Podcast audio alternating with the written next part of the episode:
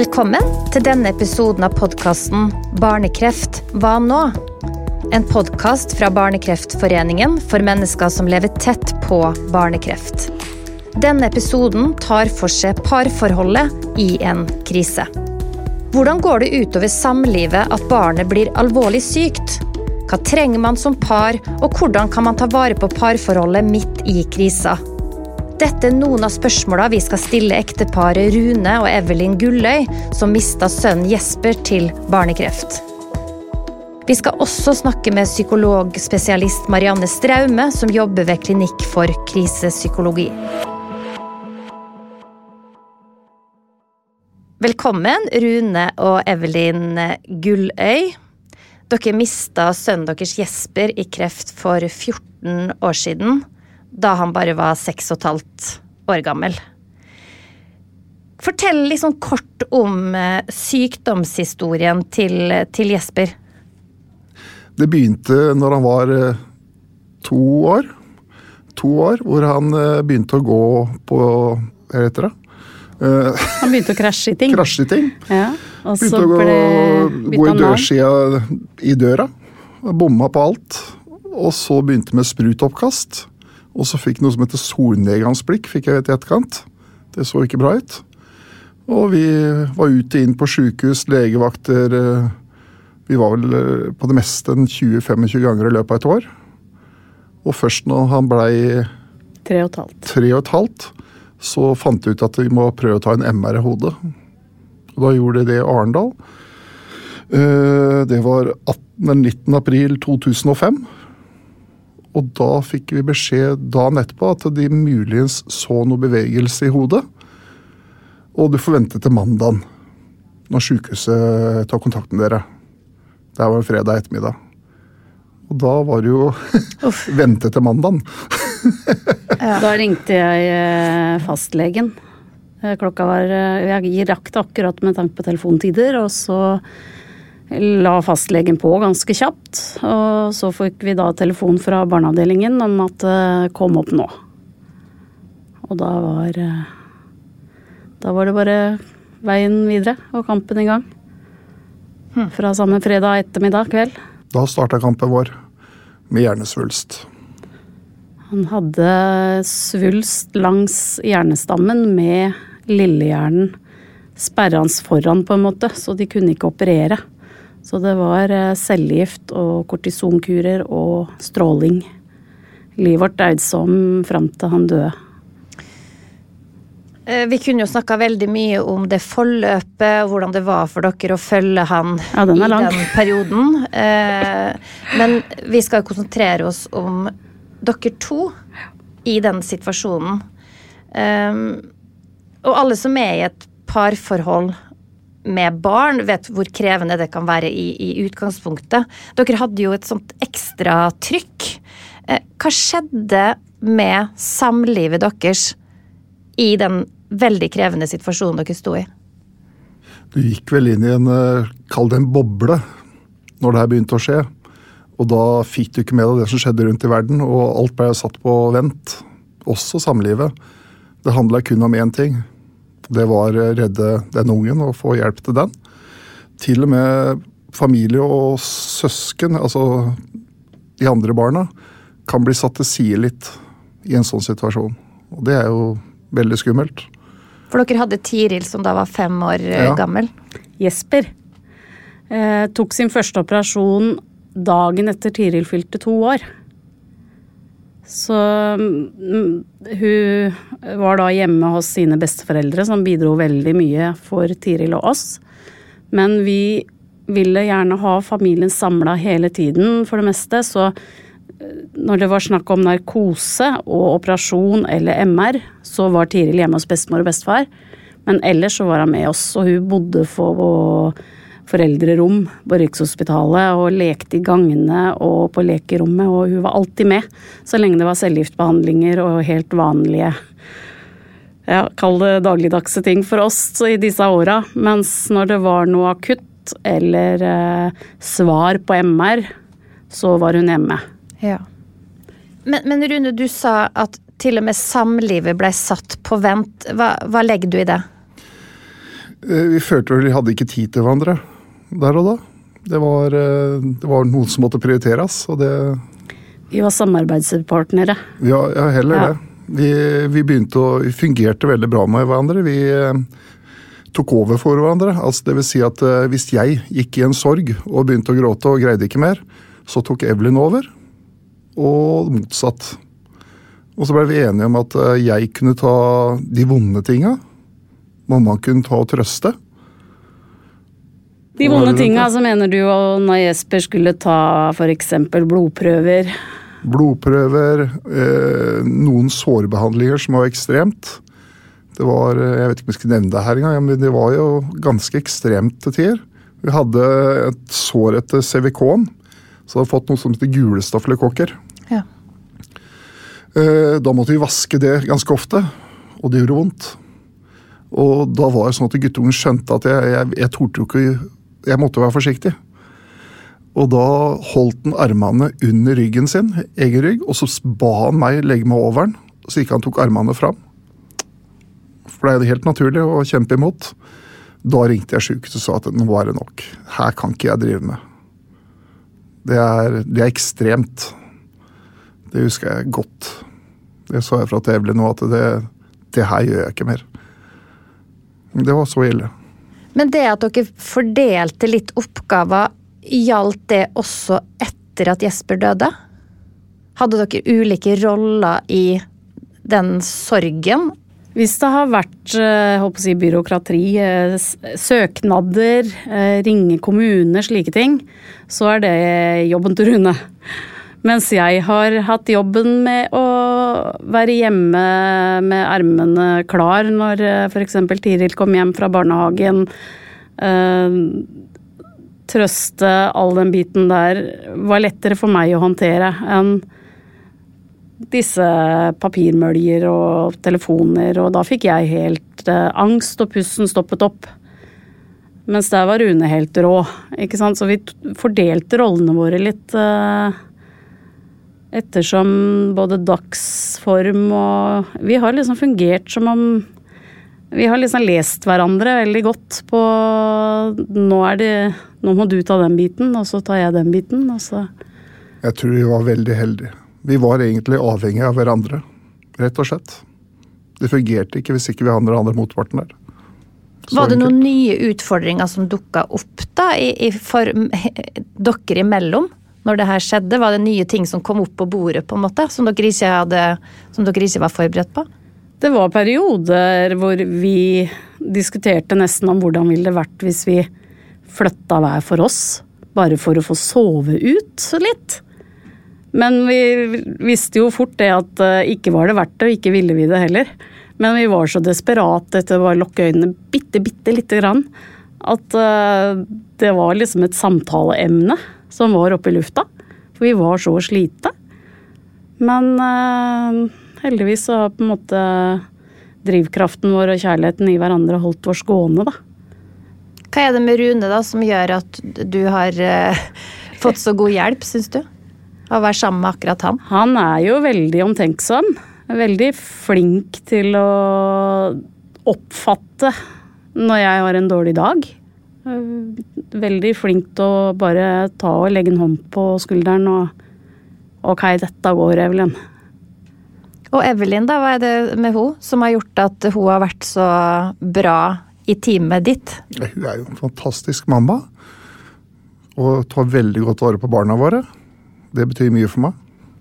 Hun har den utdannelsen jeg ikke har overfor barn. Så jeg er kanskje ikke like pedagogisk riktig når jeg oppfor, opp, eller lærer opp barn. Ja. Men jeg lærte mye. Hun lærte meg ganske mye, og ja, så er jeg glad i dama. Rett og slett. Det ser jeg.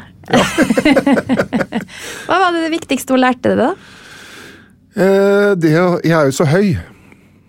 Å stå og kikke ned på en unge og si at det her får du ikke lov til, det er jo selvfølgelig veldig truende. I hvert fall når det er pekefingeren i tillegg. Så det å gå ned og se de rett inn i øynene og fortelle de hva de gjør feil, det er jo helt fantastisk. Det fungerer så bra. Det er en ting jeg lærte fort. Så bra. Hvordan endra behova deres seg i den situasjonen dere sto i? Både som enkeltindivid, men også som par. Jeg fant vi, vi, vi, brukte Barnekreftforeningen. Vi var med på noen mistet-samlinger. Eh, Tiril var også med. Eh, og på det, en av de første kursene våre så kom jeg over et sitat om at eh, å gå videre er ikke det samme som å gå ifra. Og den har fulgt meg resten av tiden.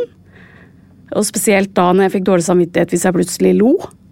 Men når jeg fikk dette sitatet, så var det sånn Ok, vi, vi lever jo videre for å mm, løfte Tiril videre gjennom livet. Hun hadde mistet sin storebror, som så å si var en tvilling for henne. Det var uh, halvannet år forskjell på de, og de hadde, vært, de hadde eget språk sammen. Hva gjør vi for å få Tiril trygt videre gjennom livet?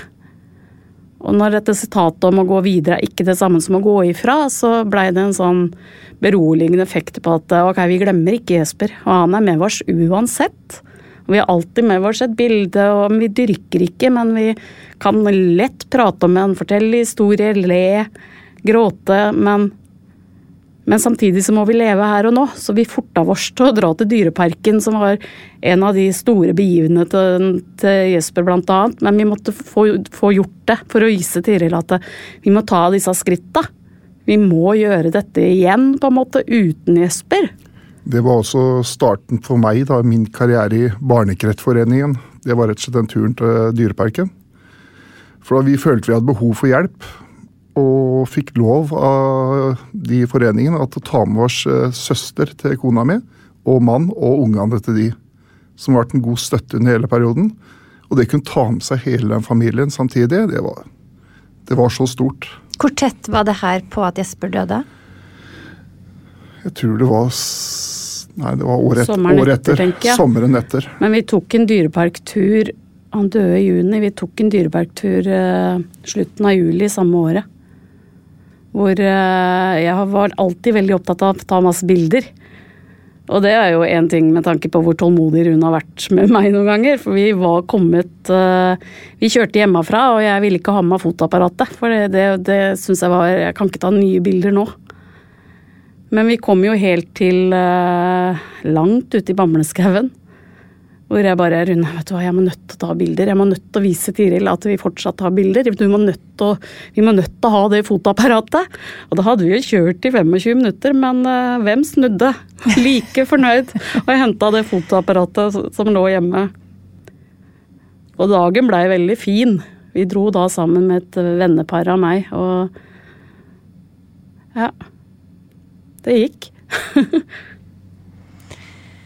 Hva er det viktig å forstå om samliv når barnet ditt blir alvorlig sykt?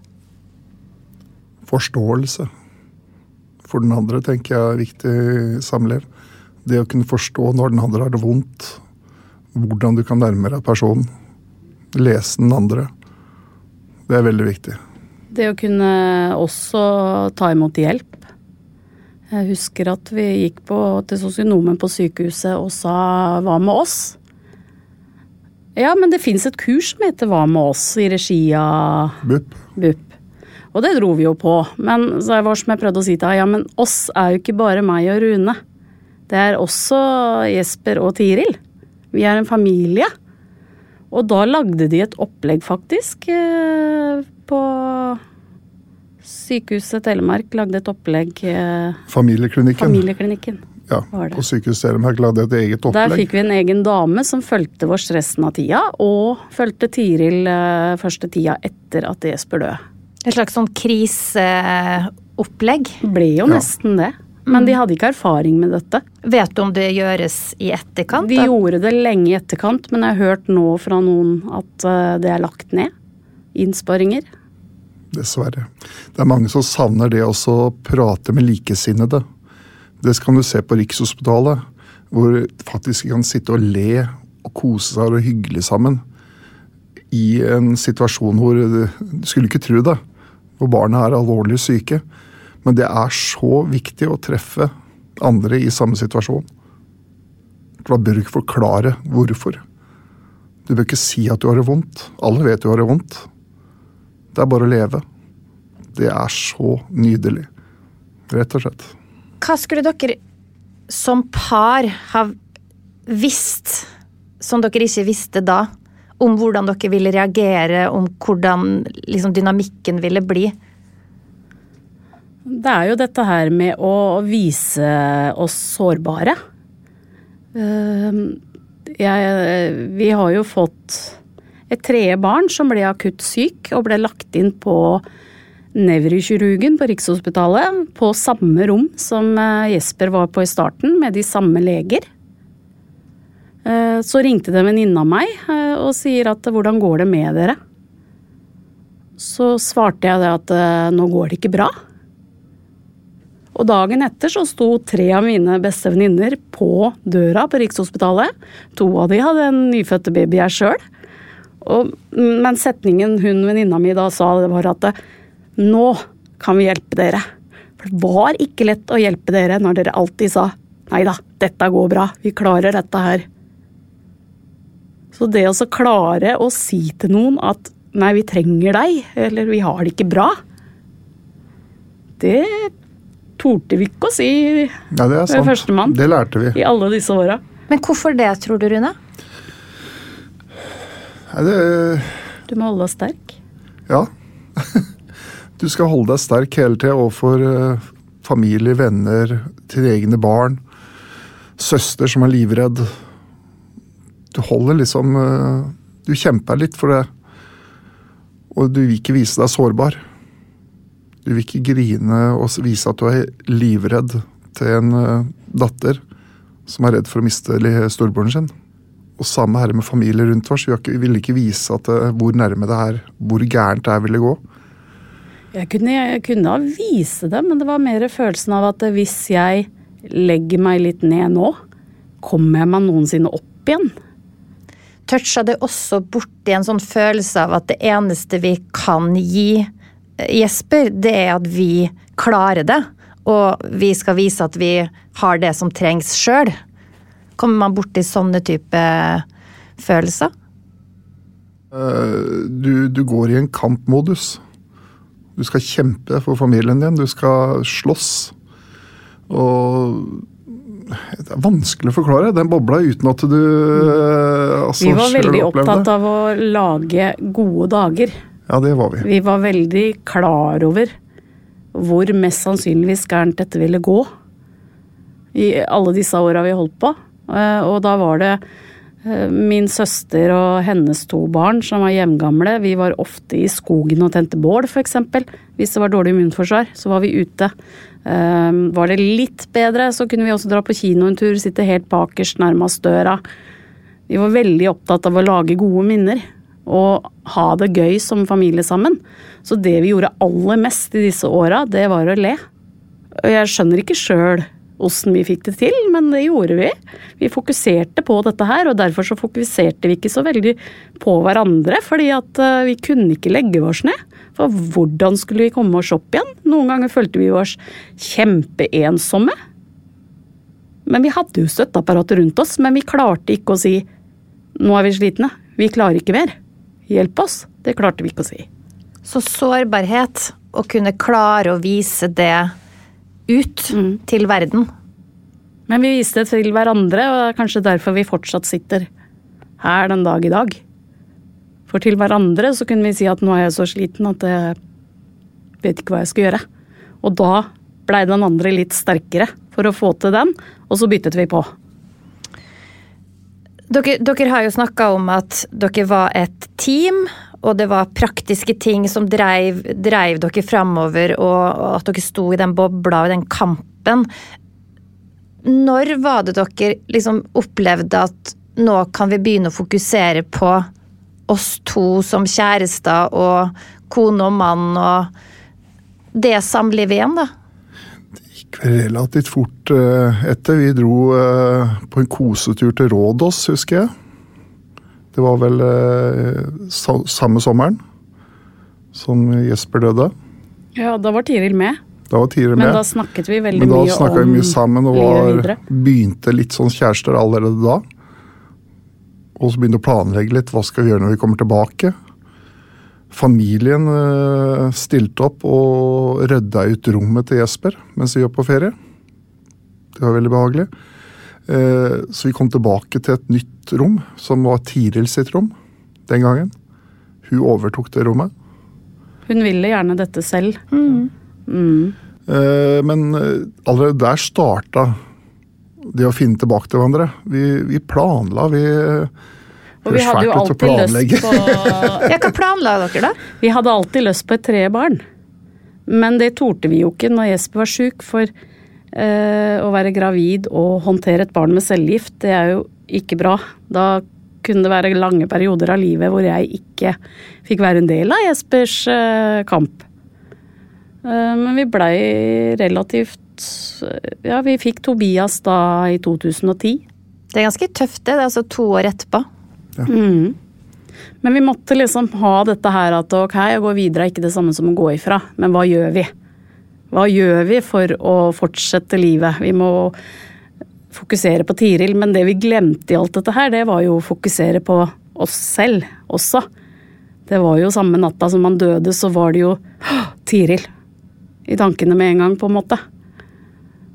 Så den biten av å tenke på seg sjøl og hverandre, den har gått veldig opp og ned. Og dermed sagt så akkurat nå så sitter vi jo hjemme begge to totalt godt i veggen.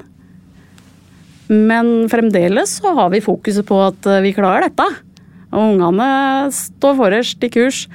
Så det er noen sånn menneskelige krefter i en kropp som du ikke aner at du kunne oppdrive, som får deg fram. Men det må jo legges til da at når du sier at dere to har begge gått i veggen, så har dere jo også fått et barn nummer to. eh, Som må ha mye oppfølging pga. Mm. av eh, sykdom. Så det er kanskje ikke så rart, tenker jeg, da, sett Nei utenfra, at dere to, uansett hvor flinke dere har vært med hverandre og, og den situasjonen, så at det måtte komme. At vi har, eh, har fått dette barnet er jo bare en glede, men samtidig så har vi også kjempet masse. Og vi må liksom huske at det er ikke kreft det dreier seg om denne gangen. Vi ser etter de samme symptomene som storebror hadde, med trykk i hodet. Men det er ikke samme. Det er ikke det samme, det har vi sagt 120 000 ganger til hverandre. Men vi er fremdeles en stor sentral del i Barnekreftforeningen. Og Barnekreftforeningen er jo en forening som har gjort hjelpa til at vi fremdeles er her egentlig også, tror jeg. Vi har vært på turer, vi har snakket med andre foreldre, vi er engasjerte. Vi har veldig mye å si. Vi er eh, likepersoner. Går på likepersonskurs. Det er også mye, Du lærer litt å håndtere ting der òg. Hvordan du skal forholde deg til andre som er i samme situasjon. Det å prate med andre og hjelpe de, det også er en slags i en sorgprosess. da. Det å også tilby andre hjelp. Jeg tror jeg hadde ville hatt dere som likeperson. Begge to. Jo, takk for det. Men én ting er samlivet, men et samliv består jo av to mennesker som skal fungere sammen. Hvordan har dere liksom tatt vare på Evelyn og Rune da som individ i det samlivet? For oss så har det vært mye TV-kvelder. Vi har alltid hatt unger som har likt å legge seg tidlig. Så vi har hatt den tida fra halv åtte til ja, maks ti som regel. Vi sovna veldig tidlig.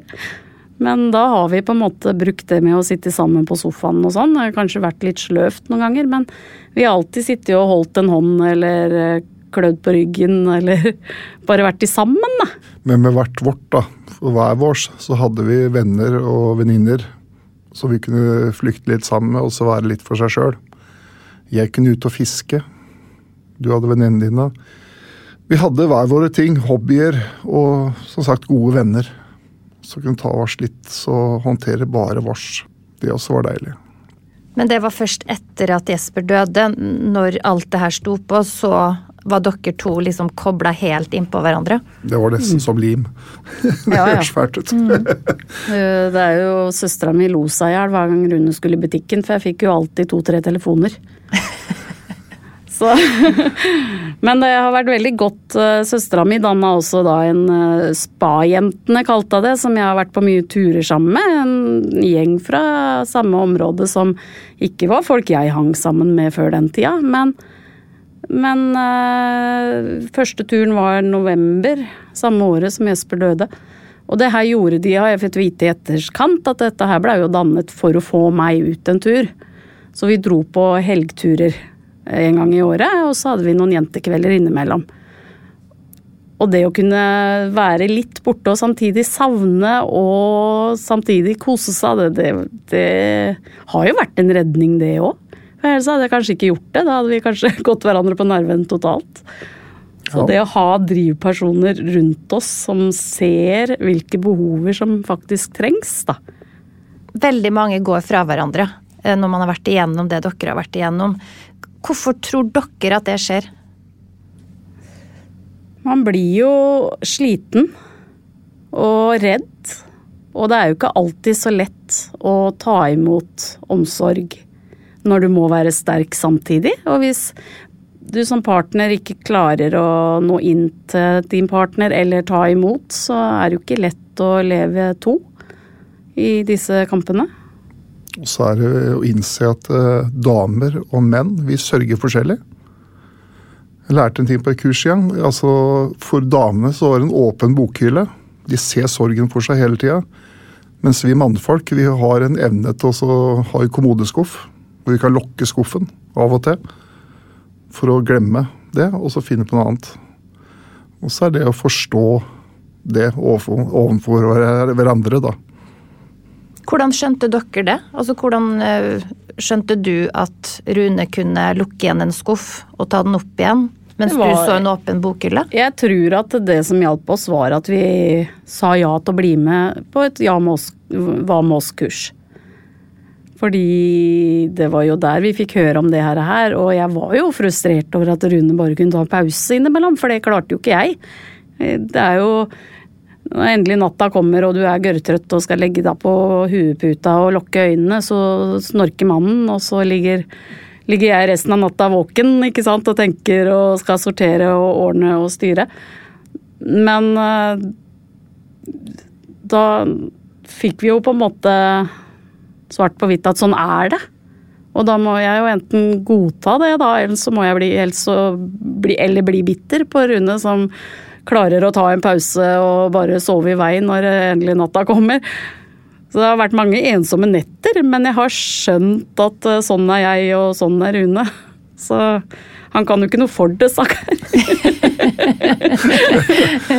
men rett og slett å bli så godt kjent med den andres mønster, da, og eh, at man forstår at vi kan oppleve det samme. Vi har det like vondt og vi står i det samme, men vi bare, vi bare er forskjellige ja. i det. Han har samme sorgen. Han har samme kampen.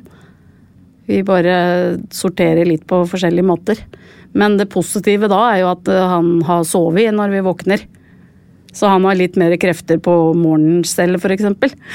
Så man må jo klare å sortere litt og godta at vi er forskjellige. På godt og vondt. Det er jo et sånt veldig alvorstynga bakteppe vi sitter og snakker om eh, nå, da. Eh, og det er, nesten, det er jo liksom fælt å si det, men, men eh, har det kommet noe positivt ut av det her for dere to? Vi er ja. ja. Vi lærte for noe det ganske tidlig. Ja uansett hvor dritt livet er, så er det noe positivt der. Og det er å finne det positive og klamre seg til det. Og det positive, det sterke samholdet vi har sammen. Altså, ingen kommer til å ta vars fra hverandre. Vi er sterke sammen. Vet ikke, vi Har det blitt tydeligere gjennom det her? Ja, mye tydeligere. Det høres litt klissete ut, men kjærligheten har blitt mye større etter det vi har opplevd. Hva mener du med at den har blitt større? Eh, kall det enda mer forelska, går det an? Nyforelska 24-7? Nei, nei, nei, men det er, eh, det er Er det sant? Ja, det er ikke langt unna sannheten. Det er, eh, det er spesielt. Jeg syns, jeg syns at forelskelsen kan være større i etterkant. Bare fordi at jeg vet hvor god hun er. Ikke gråt nå da, kjære. Nei, jeg, jeg begynner jo å gråte nå. Det... Ja, men det er vel sannheten, det. Kan du komplementere? Nei, han kan irritere ræva av meg noen ganger, men, eh, men, eh, Nei, det er liksom vårs to. Det er liksom eneste vi har her i livet som vi eh, vil ha kontroll på, det er at vi to skal i hvert fall klare det. Men, men tror dere at det kommer fra det dere har opplevd? At man vet ingenting her i livet? Leve i nuet. Ja. Det er viktig. Du vet aldri hva som skjer i morgen. Jeg, jeg tør ikke lenger å planlegge langt framover. Det er liksom her og nå. Det er kanskje det som er nøkkelen til det samlivet som dere beskriver på den fantastiske måten ja. dere gjør. Da. Det er veldig inspirerende å høre på dere. Det må jeg bare si. Sånn helt til slutt. Er det noen tips og råd til andre der ute som står i krevende situasjoner nå, når de hører på denne episoden her?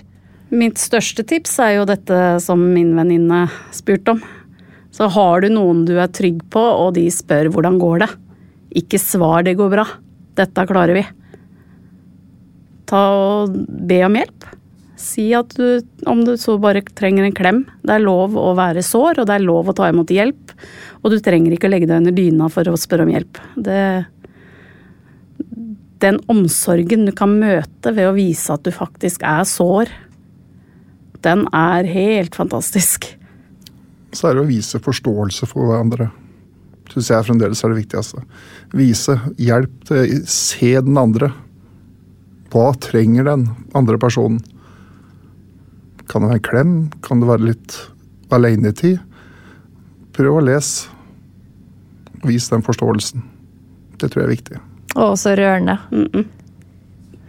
Tusen hjertelig takk for at eh, dere delte deres historie med oss. Jeg ble i hvert fall veldig inspirert, og det er veldig sterkt selvfølgelig å høre det dere forteller, men det gir også et slags håp om at det går an å ta vare på hverandre i et parforhold, selv når det er vanskelig. Helt korrekt. Ta vare på hverandre. Rune og Evelyn klarte å finne en styrke i hverandre under ei vanskelig tid. Men for mange så rakner forholdet. Psykologspesialist Marianne Straume jobber ved Klinikk for krisepsykologi. Velkommen til det, Marianne Straume på telefon fra Bergen. Takk. Hva skjer med parforholdet når et barn blir alvorlig sykt og man plutselig står midt i ei krise? På kort sikt, på lang sikt? Mm. Ja, det første som skjer, er kanskje at det nedprioriteres. Eh, og i begynnelsen og i perioder er det jo helt nødvendig. Da all fokus på barnet og alle de praktiske følelsesmessige utfordringene knyttet til det. Eh, behandling og ja, diagnose og behandling og et hverdagsliv og kanskje flere barn som skal fungere i et vanlig liv ved siden av dette sykdomslivet. Så i starten og etter hvert så kan det ofte oppleves å bli nedprioritert. Mm. En del par, eller kanskje mange par, opplever at en har, en har nesten ikke energi til den andre det er så krevende med det syke barnet og søsken og alle bekymringene og alle de følelsesmessige påkjenningene. Det har rett og slett ikke energi til den andre. En har kanskje bare behov for å få noe og har veldig lite å gi. Og når man er redd og i en form for beredskap, så blir jo andre ting ofte skjøvet til side. Så hvis når en går med sånn konstant frykt eller klump i brystet og magen, og, så har en kanskje bare behov for at noen tar vare på en og har ikke så mye å gi til den andre i kortere eller lengre perioder. Men når du sier at man egentlig ingen, har ingenting å gi, man, man, trenger bare å få noe, så høres jo det ut som en umulighet da mellom to. Ja, det er, i perioder så kan det være veldig vanskelig. Umulig er det ikke, men det er det som er utfordringen. Og hvordan slår det, det, det ut? Må, det slår jo ut med at man kan eh, bli veldig sånn blir mer et AS enn en kjærester. At en blir bare 100% foreldre og har lite tid til eller lite kapasitet, og det går jo på tid òg, dette selvfølgelig, til hverandre, til å sette av tid til å snakke sammen, til å være kjærlige med hverandre, til ja, at man blir mer et sånn bare foreldre. Man ser ikke på den andre som en kjæreste eller en mann eller kvinne, mer som mor eller far og en del av foreldreskapet. Mm. Men, så, så, det du sier egentlig at det er helt irrelevant å være kjærester når en så stor krise inntreffer. Da er det helt andre ting som, som kommer på toppen av prioriteringslista. Ja, og jeg pleier å bruke nesten sånn, sånn eksempel, sånn rulletekst. Eh, eller som du sier, prioriteringsliste. At det er barnet først, og så søsken. Og så er det jo mange praktiske økonomiske utfordringer. Det er veldig mange utfordringer knyttet til det. Sånn at veldig ofte så blir parforholdet eller det å ta vare på seg sjøl og kommer gjerne et, et, stykke ned på listen, eller langt ned på listen. Så jeg pleier å si det sånn, Og noen ganger så må det se sånn ut. Men istedenfor å tenke på det som en prioriteringsliste, som er mer som en rulletekst som man kan, som man kan bevege, sånn at selv om at ikke det blir helt statisk, selvfølgelig så må prioriteringslisten se ut sånn noen ganger, men at man tillater seg å sette seg selv og parforholdet over, øverst noen ganger. At det blir mer som en sånn rullerende prioriteringsliste enn en statisk en. Og at man blir bevisst det. For for barn og søsken er det òg kjempeviktig at foreldrene har det bra sammen og henter styrke hos hverandre. Sånn at for de òg er det best og bra at eh, mamma og pappa eller mamma og mamma eller pappa eller pappa, hvem det er, noe som er foreldre, at de står øverst. Og at søsken og barn tåler å stå lenger nede ja. fordi at det er så viktig. Fordi at det fungerer i, i foreldreskapet. da. Hvordan gjør man det, da? Hvordan sørger man for at man av og til får øye på den andre, ja, det må, må, jo bli en enighet og en bevissthet rundt den prioriteringen. Da. Noen klarer jo dette selv. Det er jo mange par som opplever at de har det bra og trenger det forholdet og den, den normaliteten i det, de, sånn at de gjør det. Mens andre må minnes på det.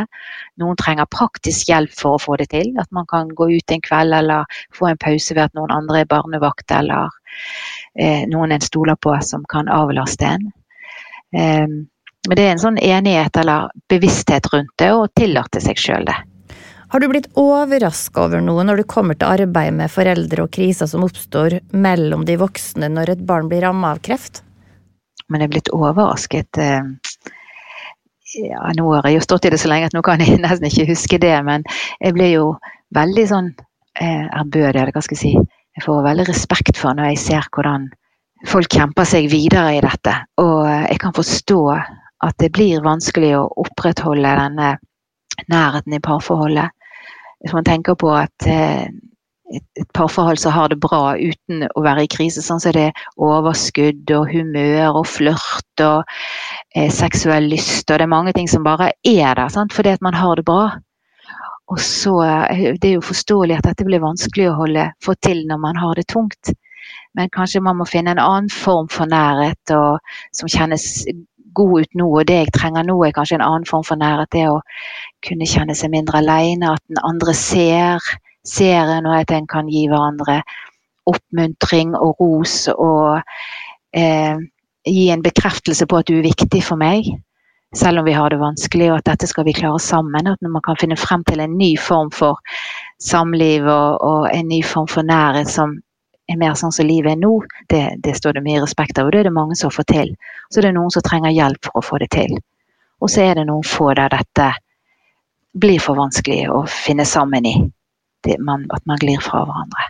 Ja, for statistisk så går jo mange fra hverandre i en sånn situasjon. Hvorfor ender det så ofte sånn? For utenfra så tenker man at ja, men det er jo nå dere må trenge hverandre mest. Det er jo den enkle på en måte tanken utenfor verden har.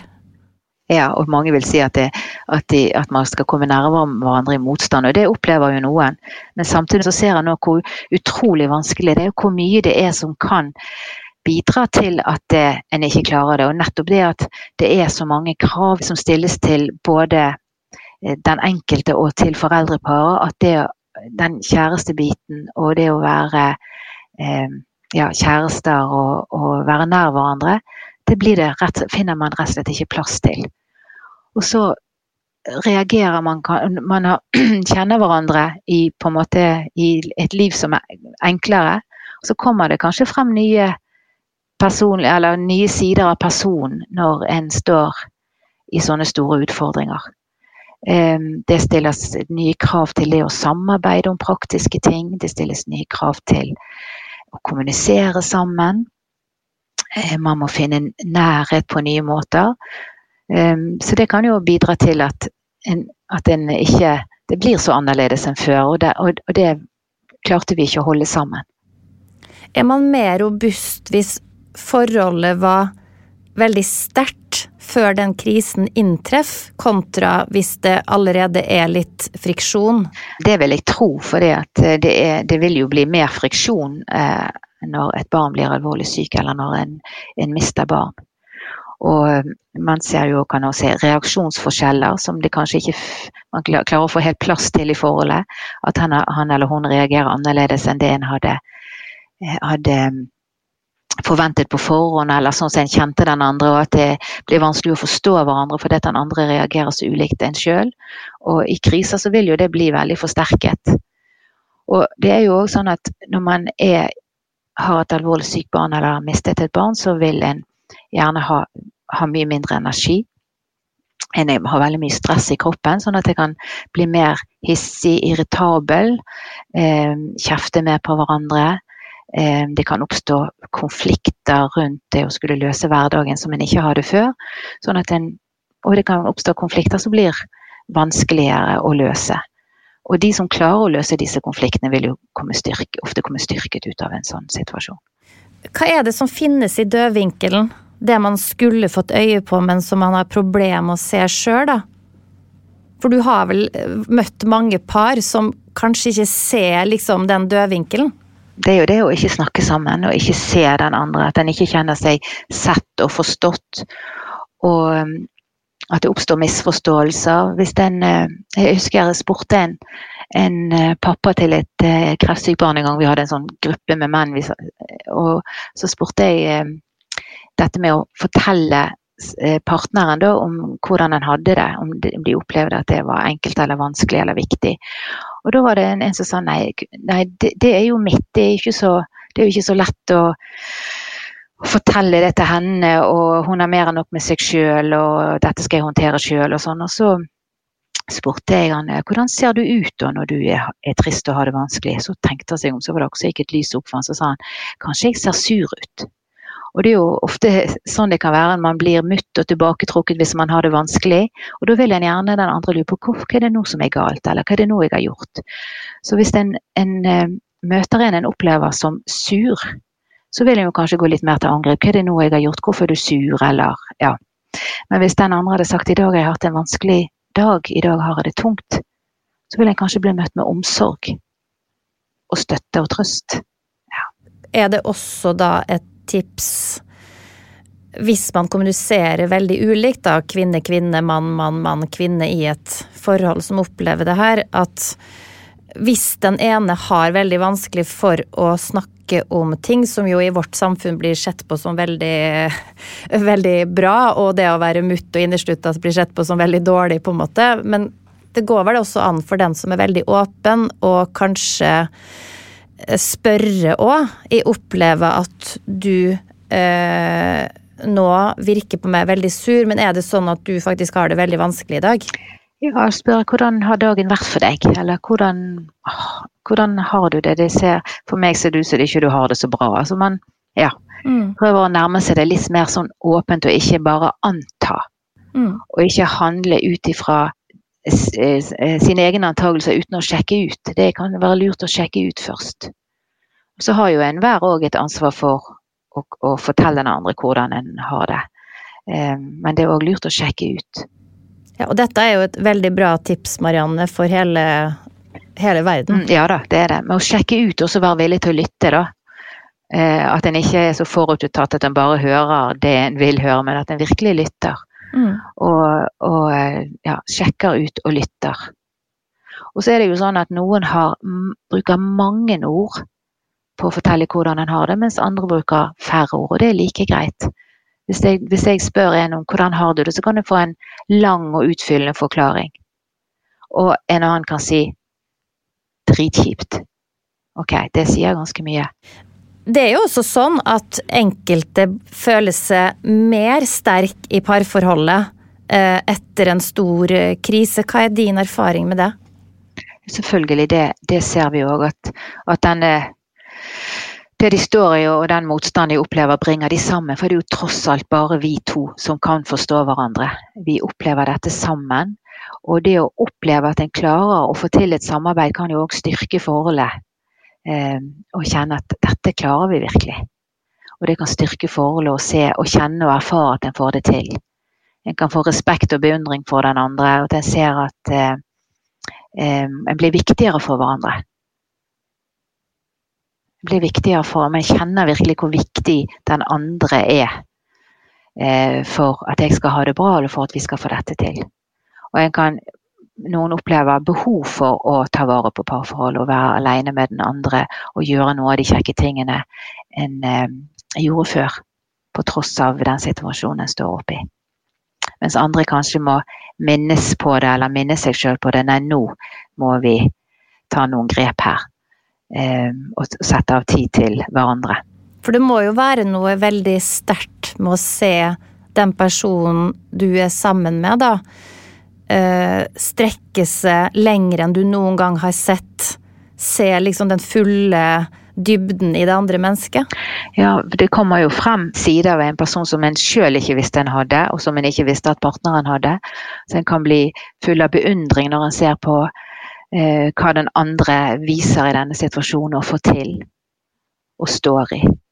Det blir en eh, veldig respekt. Og noen par sier har vi klart dette, så kan vi klare alt. Helt til slutt, eh, Marianne, har du noen gode tips og råd til dem som sitter og hører på akkurat nå, som står i en veldig vanskelig situasjon og, og kanskje føler at man har glidd litt fra hverandre?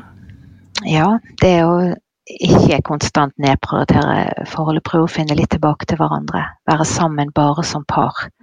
Og, og tenke at det, det trenger jeg. Ikke ha dårlig samvittighet for å bruke tid til det finne tilbake til noe av det som var kjekt i starten.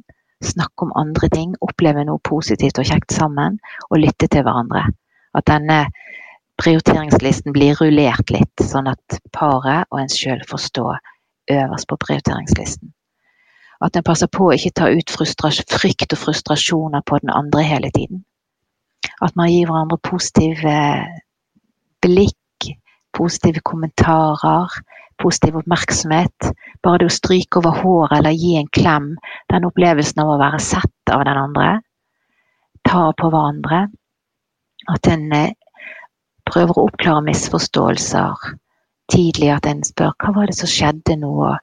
Um, hvorfor sier du det? Og nå tenkte jeg at en liksom blir litt Ja, hører den andre litt ut og ikke handler på antagelser, men sjekker ut prøve å bevare nærheten i forholdet. Og selv om man ikke har så mye tid og så mye mulighet eh, som man hadde før, at man finner denne prøver å finne denne nærheten sammen. At vi står sammen i dette, og dette er et samarbeidsprosjekt. Eh, ikke bare praktisk, men også følelsesmessig. Og at vi er faktisk de to som forstår hverandre best. Det er kun vi to som virkelig vet hva vi står i.